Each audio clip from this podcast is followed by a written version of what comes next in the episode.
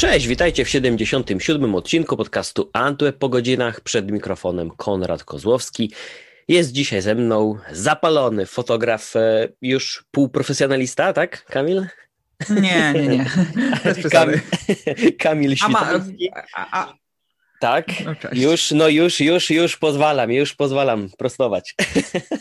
E, nie, zdecydowany amator, ale y, od, od dwóch, trzech lat pasjonat i starający się gdzieś tam u, uczyć cze, czegoś więcej niż y, jak zrobić zdjęcie smartfonem. Y, no, myślę, że myślę, że to jest wystarczający opis. Wiesz co, ja też już, e, może krócej, z mniejszym zaangażowaniem, ciągle jakoś, oczywiście czasu brakuje, doba jest za krótka, e, żeby zacząć przyswajać więcej wiedzy i wybierać się na fotospacery albo nawet na wycieczki, ale też nie ukrywam, że zacząłem w, troszeczkę w drugą stronę działać i e, dzięki temu, że no, podobno najlepszy aparat jest ten, który mamy zawsze ze sobą, a wiadomo, że zawsze telefon mamy ze sobą, to też zacząłem, powiem Ci szczerze, coraz więcej czasu poświęcać jakieś czy tutoriale, artykuły i, i, i na YouTubie jest kilka fajnych podpowiedzi, e, poradników, a, a moim odkryciem jest, e, tak, wiem za chwilę, jak tutaj niektórzy słuchacze na to zareagują, ale okazuje się, że też ciekawą kopalnią wiedzy, e, tak przynajmniej na pierwszy rzut oka, przez te kilka, jak na razie tygodni, jest też TikTok, e, gdzie owszem jest bardzo dużo e, bałaganu i niepotrzebnych treści, jest też dużo powielanych treści, bo mnóstwo autorów e, podpatrzył kogoś coś i powielają to u siebie, ale też jest mnóstwo ciekawych informacji właśnie tam i też próbuję troszeczkę inaczej podejść do fotografowania telefonem, a Cały ten przydługi wstęp jest oczywiście e, początkiem do naszej dyskusji o archiwizacji, o kopiach zapasowych zdjęć, bo e, przez to, że dysponujemy dzisiaj już e, przeróżnymi narzędziami do, do robienia fotek, do późniejszego ich katalogowania e, i tak naprawdę liczba już tych e, fotografii, no myślę, że przera, prze, no już może być w okolicach tysiąc, tysięcy e, każdego, każdego nie wiem, kwartału lub może u niektórych miesiąca. E, no i ze względu na to, Dzisiejsza rozmowa będzie właśnie dotyczyć sposobów, naszych e, metod i pomysłów na to, jak, jak sobie z tym wszystkim poradzić. Ja tutaj przygotowałem sobie krótką listę narzędzi, z których korzystam. O nich też w drugiej części opowiem, ale w pierwszej kolejności E, dam Tobie e, tutaj oczywiście czas antenowy w tym odcinku, żeby się powiedział, w jaki sposób sobie z tym radzisz, bo wiemy, że pliki e, z aparatu potrafią swoje ważyć. Są też takie zdjęcia, których nie chcemy stracić, za wszelką cenę, więc w jaki sposób można się zabezpieczyć, żeby tego nie, no żeby nam te fotki nie poginęły, a też gdyby mógł Cię poprosić na mm, krótką chwilę, jakbyś mógł wspomnieć o tym, jak też radzisz sobie z wygodnym przerzucaniem tych fotek z aparatu na e, no, urządzenia, z których korzystasz na co dzień podczas edycji oraz publikacji zdjęć, czy to na Instagramie, czy w innych miejscach, e, bo to też jest, myślę, coś, z czym niektórzy jeszcze sobie nie do końca radzą, e, nie wiedzą, jak do tego podejść, rezygnują z robienia zdjęć aparatem, bo przeraża ich później cały ten proces kopiowania e, przez czytnik kart pamięci i przez komputer na telefon, więc no, może być z tym troszeczkę problemów. Więc oddaję głos a pozwolisz, że też od, od, czasu do czasu będę podpytywał o niektóre rzeczy. Jasne. Wiesz co, więc może zacznę e, od drugiej części pytania, czyli od tego, jak zrzucam e, zdjęcia z aparatu mhm. i jak je dalej oporządzam w cudzysłowie. E, więc ja korzystam teraz z systemu Canona, który ma kartę SD. Korzystam z MacBooka Pro oraz iPada Pro. Mam mhm. do nich czytniki pod USB-C. E, zdjęcia edytuję w Lightroomie każdorazowo, więc tak naprawdę wycieczka moich zdjęć. Aha, bo od razu zaznaczę też, że ja nie przechowuję z plików RAW. Przechowuję tylko.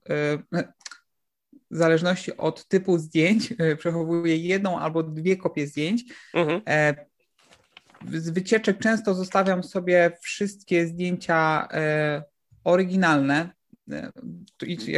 Oryginalne, czyli zrzucam wybrane przeze mnie pliki RAW do Lightrooma tam mhm. korzystam z automatycznej, e, z tego automatycznego poprawiania zdjęć. Tam jest ten taki automat, który automatycznie dobiera kilka parametrów. Mhm. Taką formę sobie zapisuję i traktuję jako w cudzysłowie surowe zdjęcia. E, natomiast te, w których, e, które później edytuję i, i robię sobie z nimi oddzielny folder, żeby mieć taką kopię zapasową tego wszystkiego w no, jak najbliżej surowej formy. Natomiast Później każdemu zdjęciu, które zachowuję, staram się poświęcić więcej uwagi. No wiesz, nakładanie masek, gdzieś tam jakieś bardziej zaawansowane edycje. I w taki sposób je później eksportuję z Lightrooma, dlatego z wycieczek i tam z jakichś wybranych wydarzeń często miewam po dwie kopie zdjęć, natomiast e, większość zdjęć mam w, pojedynczej, e, w pojedynczym egzemplarzu w JPEG-u. E, no i każdorazowo ścieżka z aparatu na dysk komputera i, i do backupów jest taka, że lądują w Lightroomie, tam je edytuję, stamtąd je eksportuję mhm. i później no po prostu je sobie segreguję w folderach. Ja, moje e, podejście do zdjęć jest bardzo proste, w sensie robię po prostu foldery datami, E, gdzie na starcie jest rok, miesiąc, dzień i jakiś opis, żeby później łatwiej było to znaleźć. W przypadku jakichś takich pojedynczych zdjęć, które robię na co dzień, jeżeli nie jest to, nie wiem, jakiś cały zestaw zdjęć jednego produktu, bo jeżeli jest to zestaw zdjęć jednego produktu, to po prostu otrzymują swój folder. Natomiast jeżeli są to jakieś pojedyncze strzały, to e, po prostu miesięcznie e, robię taki folder dla zestawu zdjęć z całego miesiąca, jeżeli e, no, nie da się ich jakoś inaczej pokategoryzować, żeby to miało sens i żeby folder nie miał dosłownie jednego pliku i tam je wciskam. I to jest mój sposób na archiwizację, na, na katalogowanie zdjęć. O, może tak, na przerzucanie i katalogowanie zdjęć. Natomiast e, jeżeli chodzi o archiwizację, no cóż, ludzie dzielą się na tych, którzy robią backupy i na tych, którzy dopiero będą je robić. Jako osoba, która straciła już y, trochę plików w swoim życiu, których nie chciałaby stracić, robię backupy i robię ich kilka. Wiem, że temat archiwizacji i backupów zdjęć był poruszany już wielokrotnie, w ogóle zdjęć plików w ogóle e, był poruszany wielokrotnie i sami o tym dyskutowaliśmy przez wiele miesięcy i robimy to w sumie regularnie, czego zwieńczeniem jest ten podcast. E, ty jesteś miłośnikiem chmury, ja jestem miłośnikiem fizycznych dysków, e, dlatego no, mam... Będę musiał się wy, później e, wyjaśnić w tej kwestii. Tak, tak, tak, ale y, to, to ja najpierw zacznę od mojego podejścia i tak, moje tak, podejście tak. jest takie, że mam e, kilka kopii fizycznych, e, mam kopię, z której korzystam najczęściej i to jest kopia na e, dysku NAS, E, do której mam dostęp e, po sieci w domu. No jest oczywiście najwygodniejsza, bo niczego nie trzeba podłączać, odłączać. Później mam drugą kopię na dysku zewnętrznym, takim podłączanym, który mam w kieszeni podłączanej po, pod USB. To A jest to zwykły kopia. twardziel jest, rozumiem? Tak, tak, zwykły dysk, zwykły dysk talerzowy. Mhm. Później mam trzecią kopię, która jest w domu moich rodziców. E, i ona jest aktualizowana kapkę rzadziej, bo nie mam do tego dysku dostępu na co dzień, tylko jak ich odwiedzam, więc powiedzmy, że raz na kilka miesięcy e, do, dokładam tam zestaw zdjęć.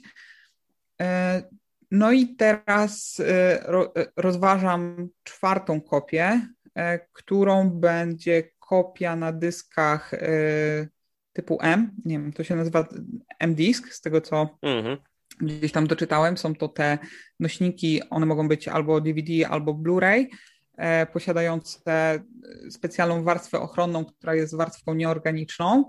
E, no i twórcy tego standardu, nie wiem, standard, myślę, że standard to jest dobre mhm. Określenie, e, obiecują nawet tysiąc lat e, trwałości takich płyt co wydaje mi się być wystarczającym wynikiem. Tak, tak no z, mojej, z, mojej, perspektywy na pewno. I to będzie taki backup bardzo, bardzo dodatkowy, który, nie wiem, zostawię u, u kogoś bliskiego, żeby był w jeszcze jednym miejscu jako dodatkowy backup, plus część zdjęć, głównie z wycieczek, mam również skopiowane w darmowych jeszcze zdjęciach Google'a, ale no to jest mm, no, jako, że nie płacę za żaden y, plan dyskowy, jest to darmowe miejsce, więc one są w jakiś tam sposób pomniejszone, skompresowane, no i nie są to oryginalne pliki. Mhm. Ale czy w zdjęciach... Są wystarczające. Ale w, czy w zdjęciach Google masz e, wszystkie te swoje pliki, e, te, które są też na wszystkich innych dyskach, czy to nie, jakoś... Tak... Nie, Aha, mam tam jakąś część, głównie z wycieczek, e, co jest to jest śmieszne, właściwie biorąc pod uwagę fakt, że z mojego ostatniego urlopu, czyli lutego 2020 roku, przy jakichś zawirowaniach przy serwisowaniu MacBooka i zmienianiu komputerów co tydzień, co półtora przez problemy z serwisem plus konieczność oddawania sprzętów testowych, y, na których pracowałem na co dzień, y, zniknęły mi oryginalne zdjęcia z tego wyjazdu. Część Ojej. udało mi się odzyskać y, ze względu na to, że znajomi, z którymi spędzałem urlop, mieli je w pełnej w pełnym formacie, bo na bieżąco wysyłaliśmy sobie za pośrednictwem AirDropa mhm. wszystkie te pliki. Natomiast no, jest tam kilkanaście czy może kilkadziesiąt fotografii, których już nigdy nie odzyskam w pełnym formacie. Nie mam pojęcia, jak się to stało. No po prostu moja głupota, e, brak wcześniejszego backupu i one jakby zniknęły z dysku zewnętrznego, który, e, który jest moim, który podłączam pod USB. Nie korzystałem jeszcze wtedy z NASA. E, natomiast, e, no jako, że był to początek pandemii i nie odwiedzałem rodziców, to też nie było kopii na tym dysku, który leży u nich. No i tak wyszło. Także to jest taka nauczka na przyszłość, ale też nauczka, że warto jednak mieć te kopie w chmurze, jakakolwiek by ona nie była, nawet jeżeli są one pomniejszone, nie, nie są w pełnej rozdzielczości, to wciąż są zdjęciami, które można wydrukować bez problemu na formacie A3, więc wystarczają. No tak, no chwila nierozwagi wystarczy, żeby gdzieś z tymi plikami się pożegnać. Ja do tej pory pamiętam sytuację, um, gdy też gdzieś z pośpiechu um, nie zorientowałem się, w jakim tak naprawdę katalogu jestem, przeglądając jakieś pliki, robiąc porządki. Um, wydawało mi się, że to właśnie jest jakaś kopia albo skrót. E, zamaszyście zaznaczyłem prawie wszystko i zacząłem usuwać. E, zorientowałem się, że to jest główny katalog OneDrive'a, gdzie mam dużo ważnych rzeczy, więc no. e, wcisnąłem momentalnie e, pauzę synchronizacji, zacząłem się rozglądać za innymi komputerami, gdzie mogą być te pliki. Chciałem powstrzymać synchronizację na innych komputerach, zacząłem kopiować na dyski zewnętrzne. Mm, no, z pomocą ostatecznie jednak przyszła funkcja odzyskiwania usuniętych plików w OneDrive. One gdzieś jednak w tym koszu jakiś czas były, więc można się do nich dostać. Natomiast to, ile to czasu wszystko zajęło, mm, nie wspominając już o czasie poświęconym na weryfikowanie, czy na pewno wszystko jest, a przecież tak nie jesteśmy w stanie spamiętać całej tej struktury i listy plików, e, więc tak naprawdę muszę zawierzyć na słowo, że to wszystko do mnie e, wróciło. A co do fotek, to, to, to, to rzeczywiście w pierwszej kolejności stawiam na chmurę, tutaj nie będziemy ukrywać i moim wyborem już od lat są zdjęcia Google. Mm, robię to z czystej wygody i tak naprawdę sympatii do wielu funkcji, które tam są, chociaż zauważyłem, że ostatnio jak sprawia jakieś pewne problemy, nie wiem na czym to dokładnie polega, natomiast e, e, głównym przyczynkiem do tego, że wybrałem zdjęcia Google jest multiplatformowość tego rozwiązania, a z drugiej strony nieco bardziej rozbudowane funkcje i opcje konfiguracji, w jaki sposób ma to dla mnie działać, bo nie będę ukrywał, że do pewnego momentu stawiałem na te zdjęcia od Apple i tamtejszą kopię zapasową, która w domyśle powinna być łatwiejsza w obsłudze e, i prostsza, co powinno też wymagać mniejszego zaangażowania z mojej strony, ale koniec końców to uproszczenie jest e, przesadzone, e, bo przy każdorazowym chociażby ustawianiu, przy pierwszej konfiguracji nowego urządzenia od Apple, gdy zdecydujemy się na uruchomienie e, na nim także tej kopii zapasowej zdjęć, e, no to do tej pory pamiętam, jak nowy iPhone tak naprawdę rozgrzał mi się do czerwoności podczas ładowania i synchronizacji wszystkich danych, no bo przecież Apple zdecydowało, że pobierze mi kilka tysięcy zdjęć na nowego iPhone'a e, i dopiero jak te kilka czy kilkanaście gigabajtów zostanie zassanych, to dopiero wtedy będzie decydować, a to może część usunę, a może część zostawię. E, to też doprowadza do sytuacji, w której my przeglądając zdjęcia widzimy, że tak jakbyśmy mieli dostęp do wszystkiego, ale nie jesteśmy świadomi tego, które tych z tych zdjęć są tylko miniaturkami, które będą musiały zostać pobrane w tle podczas przeglądania. E, to też dzieje się automatycznie i działa fajnie, ale jeżeli ktoś straci dostęp do e, zdjęć, chociażby, nie wiem, w podróży pociągiem, słaby zasięg, albo jesteśmy w samolocie, chcemy przejrzeć fotki, obrobić je, przygotować do publikacji, e, to się okazuje, że nagle do połowy zdjęć, które powinny być na telefonie, nie mamy dostępu. No i tak naprawdę do tej pory przecież zdjęcia Apple nie wylądowały na Androidzie, mimo że już niektóre usługi są, e, więc musiałem się z tym pożegnać. Wybór padł na zdjęcia Google.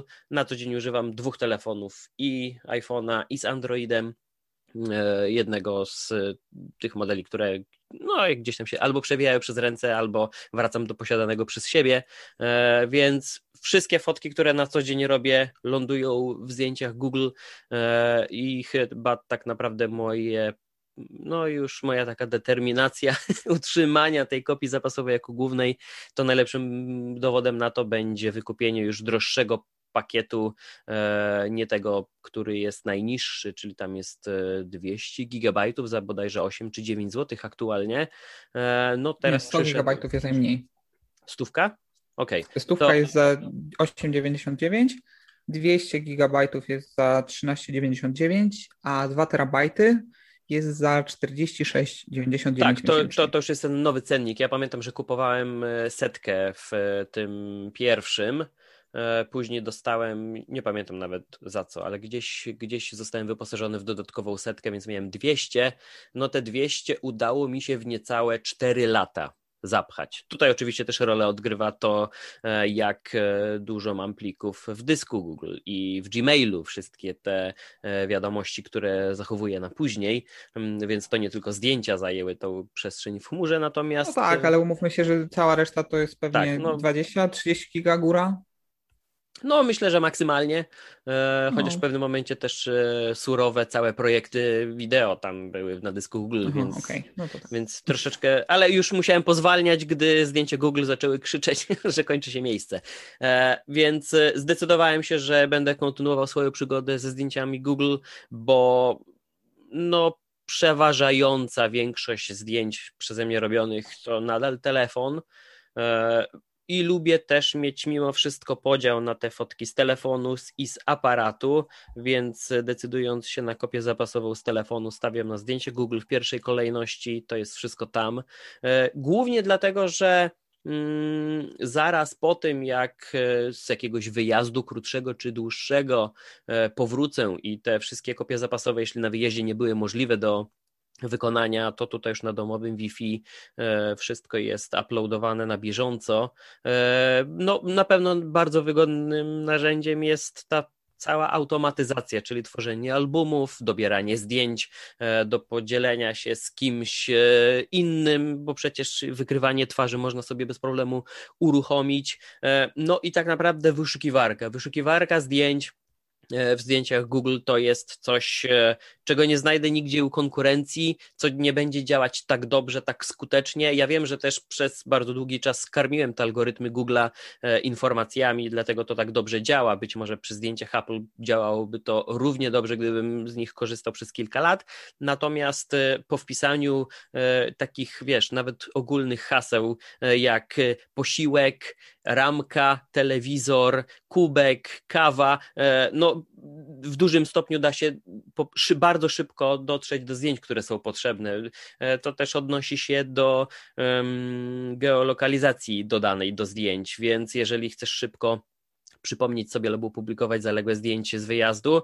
Momentalnie do tego docieram i to mi bardzo, bardzo fajnie działa od dłuższego czasu. I rzeczywiście ta kwota 46 zł e, miesięcznie nie jest już mała, ale z drugiej strony pomyślałem sobie, że jeżeli jest to takie główne w chmurze dla mnie miejsce, to, no to ten koszt można na tę chwilę przynajmniej przyjąć i wliczyć w jakiś taki comiesięczny budżet, bo w zamian dostaję tak dużo, że nikt inny nie będzie mi w stanie tego zaoferować. E, niektórzy będą wskazywać na pewno jako alternatywę e, także OneDrive'a, e, który i działa fajnie na Androidzie, na iOSie, jeśli chodzi o automatyczną kopię zapasową, ale po pierwsze, OneDrive ma owszem dedykowaną sekcję odnośnie zdjęć, ale oprócz tego rozdzielenia od plików e, na zdjęcia, to nie otrzymujemy nic więcej. Te automatyczne albumy czy funkcje poprawiania fotek i udostępniania nie są tak wygodne. No i obydwaj też dobrze wiemy, jak działa e, sam OneDrive, jeśli chodzi o prędkości uploadu i pobierania. Nie wiem właśnie, czy to dotyczy UPC tylko, bo... Nie mam e, pojęcia, Paweł też ma problemy w Orange, także wydaje mi się, że. No, gdzieś to, mm. gdzieś to. Nie, nie wiem dokładnie o co to się rozbija, ale jeżeli ja pobieram pliki mając 300 e, megabitowe łącze, gdzieś tam 200 kilobajtów na sekundę, to coś jest nie tak. E, tak. Więc pobranie całego albumu, gdyby był mi potrzebny w mgnieniu oka, nie będzie możliwe. Dlatego nie, no, nie dlatego OneDrive y, gdzieś w tle działa. Natomiast jeśli chodzi o fotki z aparatu, to tutaj przynajmniej na tę chwilę, ze względu na to, że na pewno nie wykonuję ich tak dużo jak ty, wybrałem mimo wszystko chmurę Adobe, bo i tak moje fotki też trafiają do Lightrooma, e, dlatego skorzystałem z tego, że w, no, te 100 gigabajtów w tym podstawowym planie mam do dyspozycji, więc e, tam już chyba mi się uzbierało ze 40 giga, tam jest kilkadziesiąt albumów e, z ostatnich trzech czy czterech lat tak naprawdę, to jest w pełni wystarczające. No a przede mną chyba tak naprawdę ten etap, który ty już prowadzisz od dłuższego czasu, czyli oczywiście kopie zapasowe bardziej lokalne, na dyskach zewnętrznych albo na płytach. Do tego jeszcze e, muszę dojrzeć w pewnym momencie, ale to oczywiście odnosi się przede wszystkim do ilości wolnego czasu, e, no bo to chyba trochę zajmuje. Nie wiem, jak u ciebie to wygląda? E... Wiesz co, no samo skopiowanie to może nie jest e, jakiś super. Mm super wyczyn, bo to po prostu włączasz i gdzieś tam się dzieje w tle, możesz z komputera normalnie korzystać i nie ma najmniejszego problemu.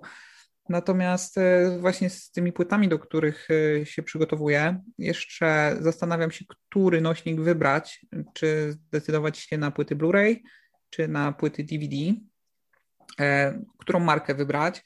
Wiadomo, że z płytami Blu-ray byłoby o tyle lżej, że nie musisz nimi tak bardzo żonglować, mają dużo większą przestrzeń, więc powinno pójść gładziej. Natomiast myślę też w perspektywie tego, że nie będę z tych płyt korzystał na co dzień, e, więc za, nie wiem, 5, 10, 15 lat, jeżeli faktycznie mm, będzie potrzeba odczytać coś z nich, wydaje mi się, że łatwiej będzie znaleźć e, jakiś nośnik, e, jakiś czytnik DVD niż czytnik Blu-ray. Natomiast, no nie wiem, ale jeszcze też chciałem się odnieść do tego, co mówiłeś o zdjęciach Google'a, bo mhm. faktycznie te ich algorytmy są super i to wszystko, jeżeli chodzi o wyszukiwanie, działa sprawnie. Natomiast, e, tak jak mówiłem, no ja mam wszystko posegregowane folderami, więc kiedy wrzucam e, zdjęcia do, e, do, do, do Google'a, to tam robię też, oni to chyba nazywają albumami. Album Albumy, tak samo tak. nazwany jak mój folder, czyli data i jakiś tam opis. Natomiast chaos, który się dzieje w tych zdjęciach Google'a, to, że nie można tam właśnie prowadzić folderów, to, że tych albumów ja nie mogę sobie później dowolnie posegregować alfabetycznie, tylko one są wydaje mi się, cały czas e, tylko według daty dodania ich do usługi, no to wszystko e, jest takie bardzo zawiłe i tak jak ty czujesz, że nie masz kontroli w zdjęciach aplowskich, mhm. tak ja czuję, że nie mam tej kontroli ani u Apple'a, ani u Google'a, hmm. dlatego z tymi kopiami lokalnymi czuję się najbezpieczniej. Natomiast e, wygoda to jest jedna sprawa i ty korzystasz z dysków googlowskich dużo intensywniej niż ja, bo ja jeszcze nigdy nie zapchałem tych 15 gigabajtów. Przez, nie wiem, 15 lat mam może ze 4 giga z, z dysku zajęte, wliczając to maile i drive'a i darmowe jeszcze zdjęcia Google. Mhm. Natomiast y, no, koszta są powalające, bo y, ty patrzysz na to w rozliczeniu miesięcznym. Ja zawsze robię to w rozliczeniu rocznym i robię to jeszcze razy pięć, bo, bo nawet jeżeli wezmę, znaczy tak uważam, że nawet jeżeli wezmę jakiś tańszy dysk twardy i on będzie służył tylko do robienia kopii yy, i niczego więcej, bo tak naprawdę do niczego więcej go nie będę potrzebował, no to 2 terabajty w zdjęciach Google e, kosztują 46 zł, 47 właściwie złotych, no bo to jest 46,99 tak, miesięcznie. E, można kupić od razu plan roczny i jak zapłacisz za rok, no to jest 469,99. To już jest niemałą sumą, no ale kiedy pomnożymy to razy 3 albo razy 5, to robi się z tego naprawdę no, niezła sumka. Taka sumka, że ja nie jestem e, skłonny jej wydać i jednak wolałbym zainwestować w drugi albo trzeci dysk na wypadek, gdyby pierwszy i drugi padł. No i wiem, że one zawsze będą. Druga rzecz jest taka, że do, dostęp do tych plików e, wymaga też dostępu do internetu. Moje zaufanie do usług w chmurze jest bardzo mieszane. Mhm. To znaczy, wiesz, bieżąco fajnie z nich korzystać, natomiast ja nie ufam, że one będą tam zawsze i że okaże się bez problemów. Była taka ta głośna historia jednego z redaktorów, który stracił dostęp do swojego Gmaila i zrobiło się nieciekawie, znaczy w ogóle do całego konta Google.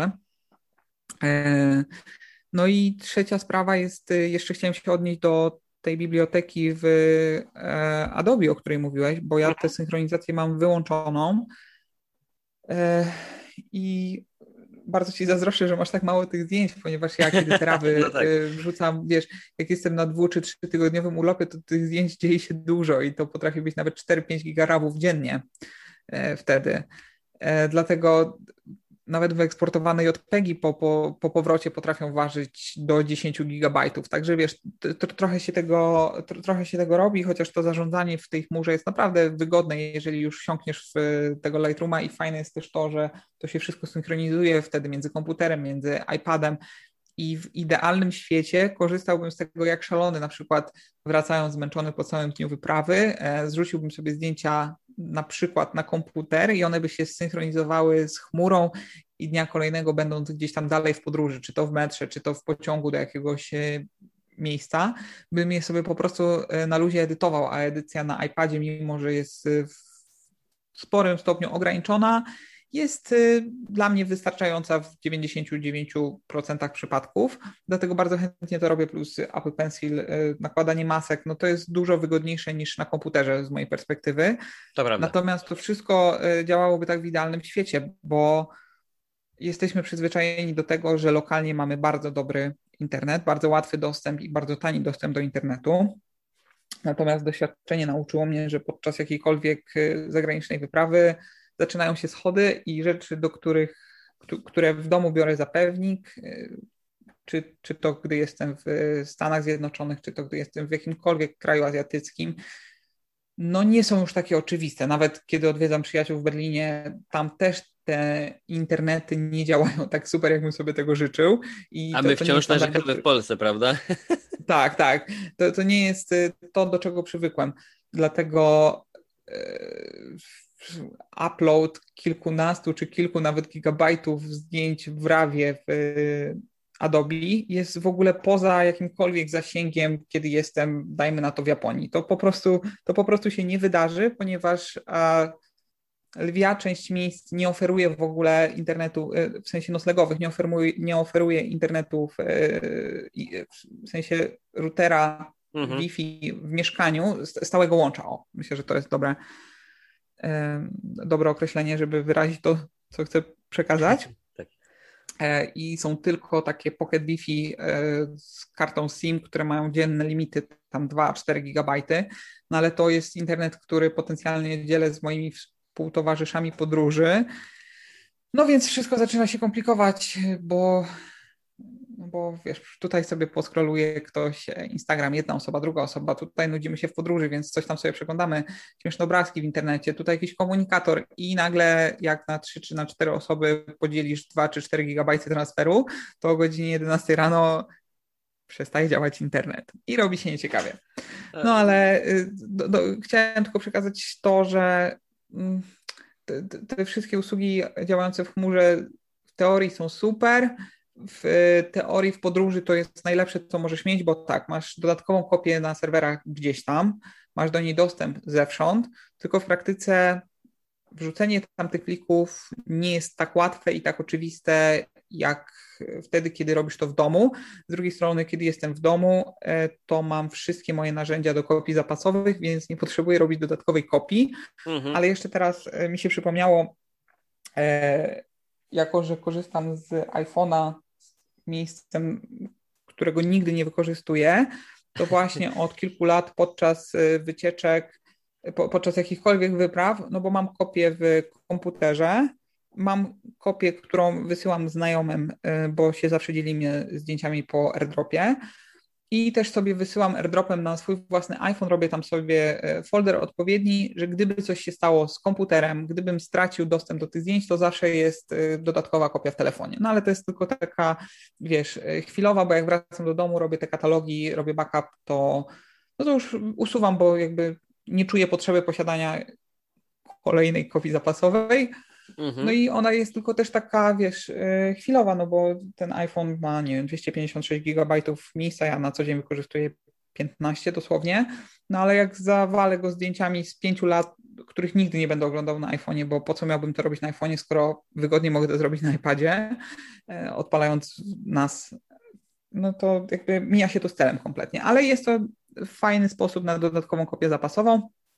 Wiem też, że wielu profesjonalistów wozi ze sobą po kilka dysków i od razu robi kilka kopii zapasowych jednocześnie, tylko wiesz, no kiedy jesteś profesjonalistą i robisz zdjęcia komercyjne nie do rodzinnego albumu czy dla jakiejś własnej satysfakcji, to są zlecenia, to są poważne rzeczy, to jest praca z modelami, z modelkami, to jest kilka naście, kilkadziesiąt dni czasami wypatrywania e, kadru z e, naturą, z mhm wiesz, to, to jest cała ekipa w to zaangażowana, więc oni nie mogą sobie pozwolić na stratę czegokolwiek, stąd mają zawsze ze sobą kilka dysków, kilka pendrive'ów, dyski Wi-Fi. No, to jest zupełnie inny kaliber robienia backupów. Wiesz co, o, to bardzo fajny pomysł jest e, z tą kopią zapasową, bo ja też zupełnie przypadkiem to nie była umyślna, mm, to nie, nie było umyślne działanie, że iPhone 10, którego nabyłem, też ma taką pojemność. Po prostu musiałem już zmienić telefon, a perspektywa ściągnięcia e, mniejszej pojemności do salonu, gdzie kupowałem dziesiątki, e, no gdzieś to była kwestia trzech, bodajże czy czterech tygodni, dlatego już postanowiłem, że może koszta wzrosną, ale no już ten telefon będzie, a zawsze mieć lepiej pamięci niż mniej.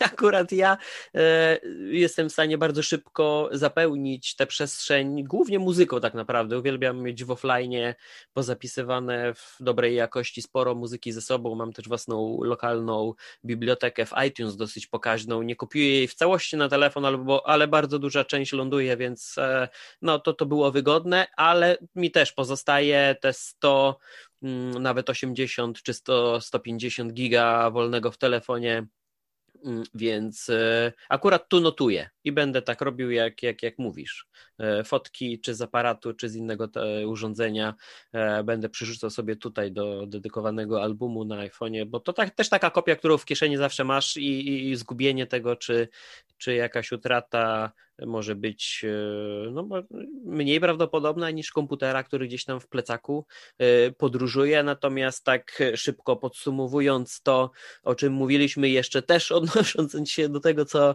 co mówiłeś, e, to nie tak, że ja też w, w zupełności polegam na chmurze, bo chociażby z iPhone'a zawsze robię kopię zapasową tych fotek z wyjazdów, z podróży czy z pracy mm, na komputerze, więc gdzieś to lokalnie jest e, przede mną jeszcze etap kopiowania całej tej biblioteki na dysk zewnętrzny, więc będzie już w dwóch miejscach, więc e, no, to, to, to na początek powinno wystarczyć i też nie jest tak, że w, w zupełności zawierzyłem chmurze. W przypadku Adobe tu chodzi o skalę po prostu, tak jak powiedziałeś, te moje porównawcze 2 czy 3 gigabajty od czasu do czasu jakiejś sesji z wyjazdu do kilkunastu pewnie u ciebie po tygodniu czy dwa, dwóch urlopu to zupełnie co innego, więc ja na razie mogę sobie na to pozwolić, a to, że nie do końca ufam chmurze e, przejawia się między innymi e, poprzez e, rozrastającą się kolekcję filmów na nośnikach fizycznych w jak najlepszej jakości,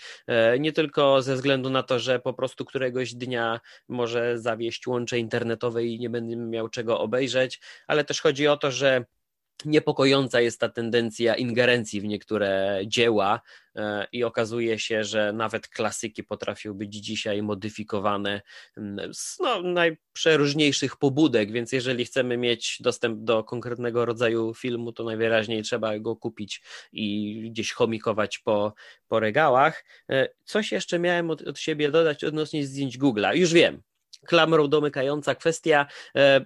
Wiesz co, mnie się od razu skojarzyło, bo rzeczywiście, gdy powiedziałeś o mnożeniu się tych kosztów, to w skali roku, a czy, czy, czy 3-5 lat rzeczywiście to nie jest mała suma, ale z drugiej strony ostatnio też coraz częściej mm, czytam różne opinie na temat tego, jak e, osoby pracujące z grafiką, multimediami odnoszą się do abonamentu Także e, tutaj największą rolę oczywiście będzie odgrywać pakiet Adobe e, Creative Cloud, który tani nie, do, do tanich nie należy. Wciąż są sympatycy e, zakupu detalicznego programu na lata i bez żadnych problemów. Ja też do nich należę, żeby nie było.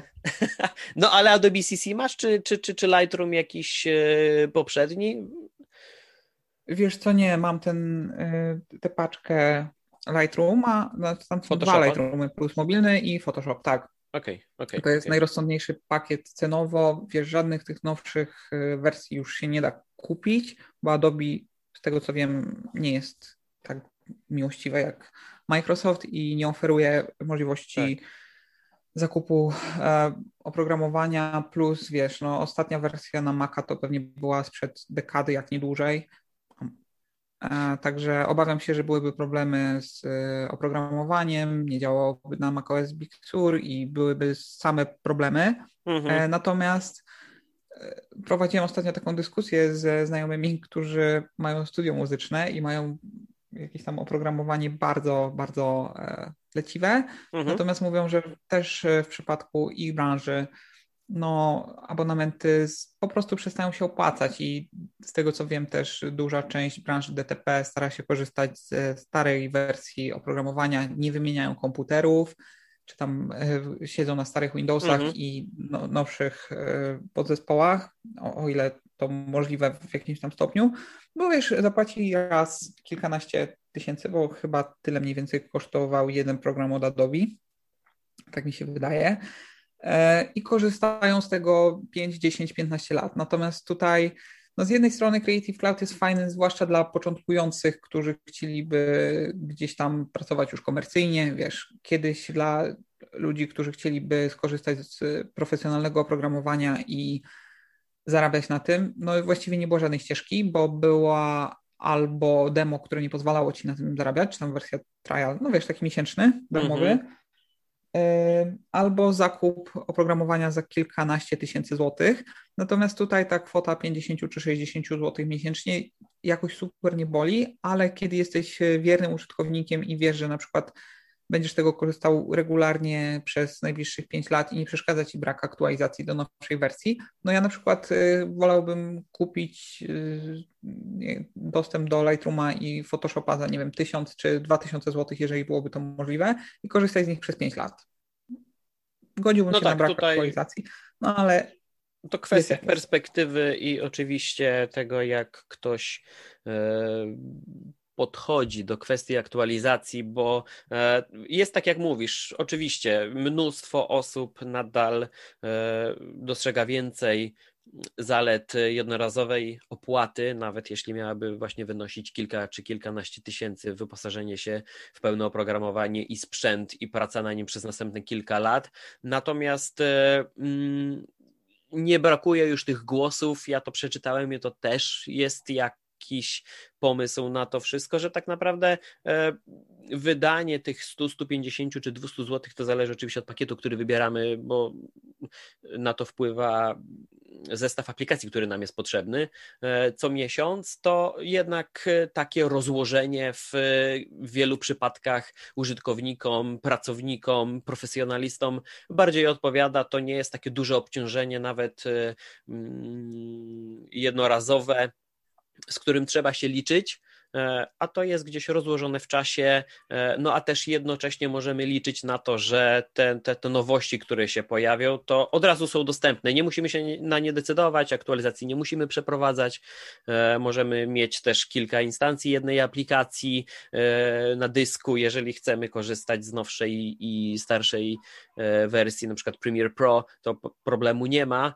E, mimo że tej kompatybilności pomiędzy nimi odnośnie projektów e, już nie zachowano, ale jeżeli ktoś taką ochotę będzie miał, to może z tego skorzystać. I przyznam szczerze, że jak na razie co też oczywiście na to rzutuje częstotliwość korzystania z tego i moje potrzeby, to moja perspektywa jest taka, że ta, ta, ta kwota comiesięczna jest jeszcze do przełknięcia, a gdybym miał wydać na to nawet ten tysiąc czy dwa, to bym się bardzo grubo zastanawiał, bo abonament mogę sobie po sześciu czy siedmiu miesiącach wyłączyć na kolejne cztery czy pięć czy sześć. W tym czasie wiem, że nie będę z tego mógł korzystać, ale jeżeli nie ma takiej potrzeby, to po co w ogóle mam jakiekolwiek podnosić koszty?